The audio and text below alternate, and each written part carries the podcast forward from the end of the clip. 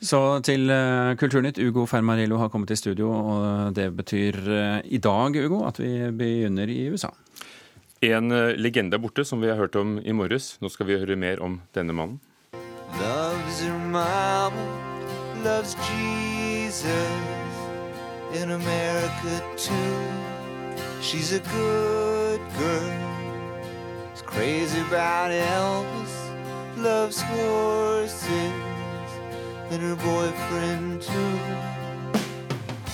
Tom Petty ble 66 år gammel. Han døde i morges. I går kveld fikk han hjerteinfarkt, og det hersket forvirring i, i flere medier. Blant andre NRK meldte at han var død. Men dette ble dementert av familien og politiet. Men eh, nå klokken litt over seks i norsk tid bekreftet eh, familien altså dødsfallet. Bård Ose, musikkjournalist i NRK. Hvordan vil du huske Tom Petty? Eh, som en av de mest ærlige i rockebransjen. En av de som talte mellomamerikanernes sak. En mann som ikke var redd for å tale plateindustrien rett imot. Han han kjempet for sine egne rettigheter og andres i uh, platebransjen. Pluss at han var en ydmyk artist som hadde venner i alle leirer. Så både gamle legender og eh, unge jyplinger eh, så opp til denne karen med de fantastiske sangene. Og dette er jo det, det sosiale, men, men, si litt mer om de fantastiske sangene. Hva gjorde dem nettopp det? De var ganske enkle i utgangspunktet, men hvis du sitter og lytter på dem, så, så ligger der en, en, en, tanke bak hver eneste av tekstene til Tom Petty. Og det ligger også en tanke bak eh, melodiene. Han lar seg inspirere av eh, 50- og 60-tallets uh, rock'n'roll. Og han eh, er, I 1976, når han kommer med sin første LP, eh, så er punken på vei i Storbritannia, og i USA så er det veldig mye pompøs bluesrock. Uh, og så kommer altså da Tom Petty med noe som er forankret i uh, 50-60-tallet. Så han, han, var hele tiden litt mot strømmen, men han skapte på en måte da en uh, ny interesse for det som var genuin rock'n'roll. Og hvem, hvem, har han inspirert? Åh, oh, det er en lang røys med artister. Altså, hele denne eh, tilbake til røttene som vi hørte på 80-tallet, med det ene fantastiske amerikanske bandet etter det andre, eh, står i gjeld til eh, Tom Petty. Altså, du kan begynne med R.E.M., som det enkleste eksempelet på er en gruppe som ikke ville ha eksistert hadde ikke det vært for uh, Tom Petty og hans inspirasjon. Fordi at Tom Petty fungerer som bindeleddet mellom det som var tidlig på 60-tallet, Beatles, Birds, Rolling Stones, og det som kom på 80-tallet. Og uh, likeledes, selv i dag, så vil jeg tro at uh, unge artister ser til Tom Petty som et forbilde. Ikke, både, ikke bare som låtskriver, men også faktisk som, som scenepersonlighet. for han, han, var jo ikke akkurat noe vakker å se på. Men han, han hadde en attityde og en utstråling som var utrolig eh, tiltrekkende. For hva er det å være billedskjønn, Bård Ose? Ja. og, og, og, og, det er jo heller ingen hemmelighet at han slet med depresjoner og, heroinbruk i perioder. Påvirket det musikken eh, i tillegg til livet? Jeg tenker at det, begge, altså det, det gikk begge veier. At uh, musikken og uh, det presset han jo da hadde gjennom så mange år, førte til uh, perioder med depresjon og en trang til å bruke substanser som vi heller ikke skal røre. samtidig så inspirerte det ham til å hente seg opp igjen. det var jo en tragedie som skjedde i 1987, da huset hans brant ned, og alle hans eiendeler, opptak, gitarer Alt forsvant i, i, i flammer, og han reiser seg igjen. Uh, ut på turné med Bob Dylan, og året etter så er han med i, i Traveling Wilburys, og, og, og, så får han comeback med Full Moon Fever. slik at uh, disse periodene når han gikk inn i depresjon og, og måtte bruke heroin, jeg tror faktisk at de var litt nødvendige for ham. For, uh, for, at han skulle klare å komme seg videre som menneske. Og så ble han da samtidig inspirert til å ta seg sammen og lage ny musikk. På platespilleren vår ligger 'Breakdown'. Hvorfor har du valgt deg den, Bordose? dose? jo, for det, det, er den første Det var den første platen jeg hørte med Tom Petty. Det var i 1977. Og den sangen eh, var hans første signaturlåt. Eh, men den ble til nærmest med en tilfeldighet. De sitter i studio og, jammer, som det heter. Og så spiller de inn en sju minutter lang låt som skal være med på den første LP-en. Og så midt på natten så går det opp for Tom Petty at hei, denne her må vi jo ha i, i tre minutter. Altså han må kuttes ned til to og et halvt, tre minutter. Uh, og hva gjør jeg da? Nei, han kan ikke begynne å klippe i, i lydbåndet som det var den gangen. Han ringer til de andre karene og vekker de. Og han lar seg overraske etterpå av at han torde å ringe til de alle fire, og at alle fire kom. Og i studio, midt på natten, så skapes det historie med denne sangen.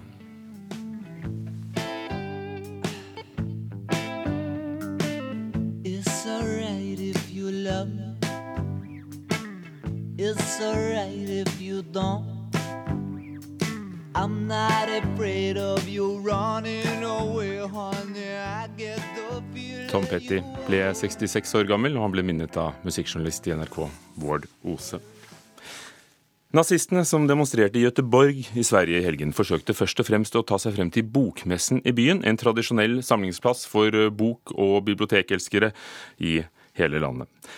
Nazistene ville vise støtte til tidsskriftet Nya Tider, som i flere år har fått en utspillingsplass, men eh, mange har protestert. og Det hele førte til en helg av opptøyer og demonstrasjoner.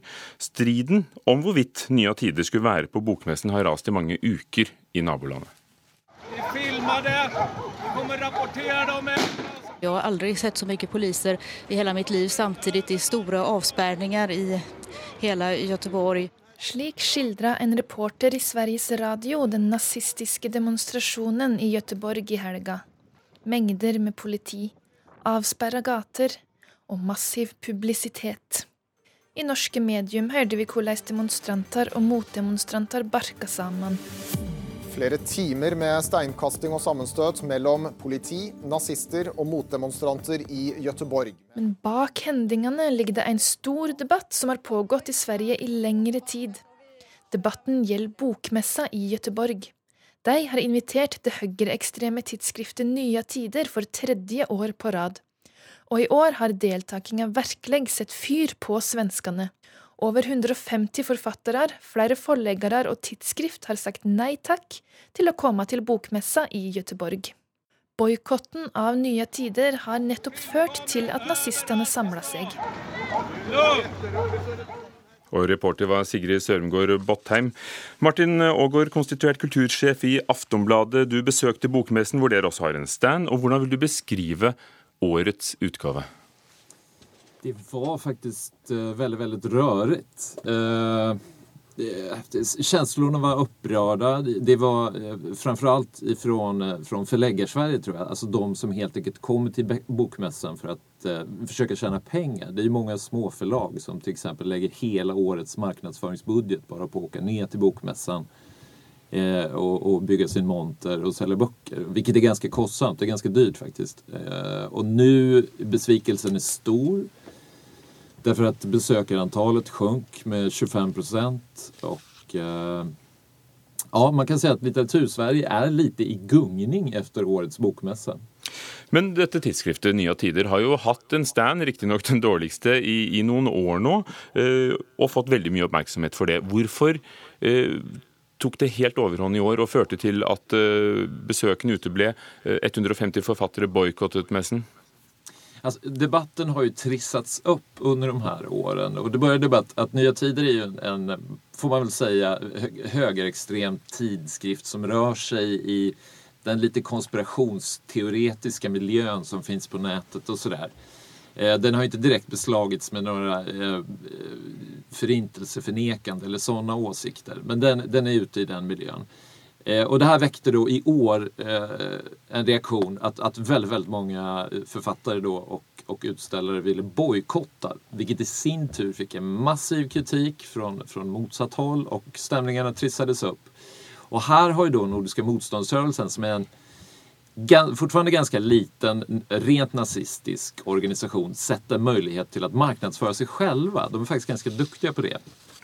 Eh, och då arrangerade den här och där de sen trotsade polisens regler och skapade all uppståndelse som var i helgen. Så man får, alltså, på sätt och vis är det väldigt sorgligt därför att hela litteratursverige har ju bjudit den här liksom, ganska perifera naziströrelsen på möjligheten att, att, att ta hela medieutrymmet kring mässan. Men, men, det førte jo til Martin Aagaard, en mengde små alternative bokmesser. Viser ikke det at det, eh, det er en eh, vital forsamling bokelskere? Det är det absolut. Och jag är personligen väldigt positivt inställd till det. Jag tycker bojkotten är fullkomligt rimlig om man inte tycker om eh, vad som pågår på ett, ett så pass kommersiellt arrangemang som Bokmässan ändå är. Då, då är det ju inte så konstigt att man bojkottar. Så jag tror att det kan ju få positiva spin-off-effekter. Men det som upprör folk tror jag just nu är att, att Bokmässan har faktiskt varit, eh, jag tror Skandinaviens absolut största kulturevenemang. 100 000 besökare cirka över en helg och en mötesplats för bibliotekarier, förläggarbranschen och en väldigt, väldigt folklig mässa faktiskt. Där liksom eh, litteraturen når ut till folk. Att många kommer dit för att se, liksom, träffa kändisar och bläddra lite i deras kokböcker. Men det har ändå varit något väldigt vackert med bokmässan. Vi forsøkte selvfølgelig å få ledelsen med bokmessen i Göteborg i tale. De hadde ikke anledning til å stille. Eh, noen forleggere mener at eh, disse Nye Tider overhodet ikke burde være på messen. Andre kommentatorer har sagt at de burde være. Hva mener du? Jag, jag, tycker så här att, att, att i, i, princip Bokmässan har ju rätt att sälja monterplats till vem de vill. Men samtidigt har ju då också deltagarna rätt att bojkotta hur mycket de vill. Eller att inte delta helt enkelt. Så att jag, är, jag kan säga att personligen är jag väldigt positivt inställd till bojkotten. Jag tycker det är ett sunt initiativ. Eh, men man kan, det är väldigt svårt att ifrågasätta eh, beslutet att, att, att låta dem ställa ut också. Mm. Martin Aagaard, konstituert kultursjef i Aftonbladet. Takk, du, takk for at du skal være med oss fra Stockholm. One of these days I'll learn. Don't fuck with trick ass niggas cause they turn into bitch ass niggas. I'm sick of being stuck in the county jail. My niggas clown bring a band when they post Dette er eh, rapperen Tupac og gruppen Thug Life eh, som nettopp uh, bruker uttrykket Thug Life, som står for The hate you give to little infants fucks everybody. Hatet du gir til små barn ødelegger for alle. Og den det uttrykket har inspirert en av de mest leste bøkene, bøkene i USA det siste året.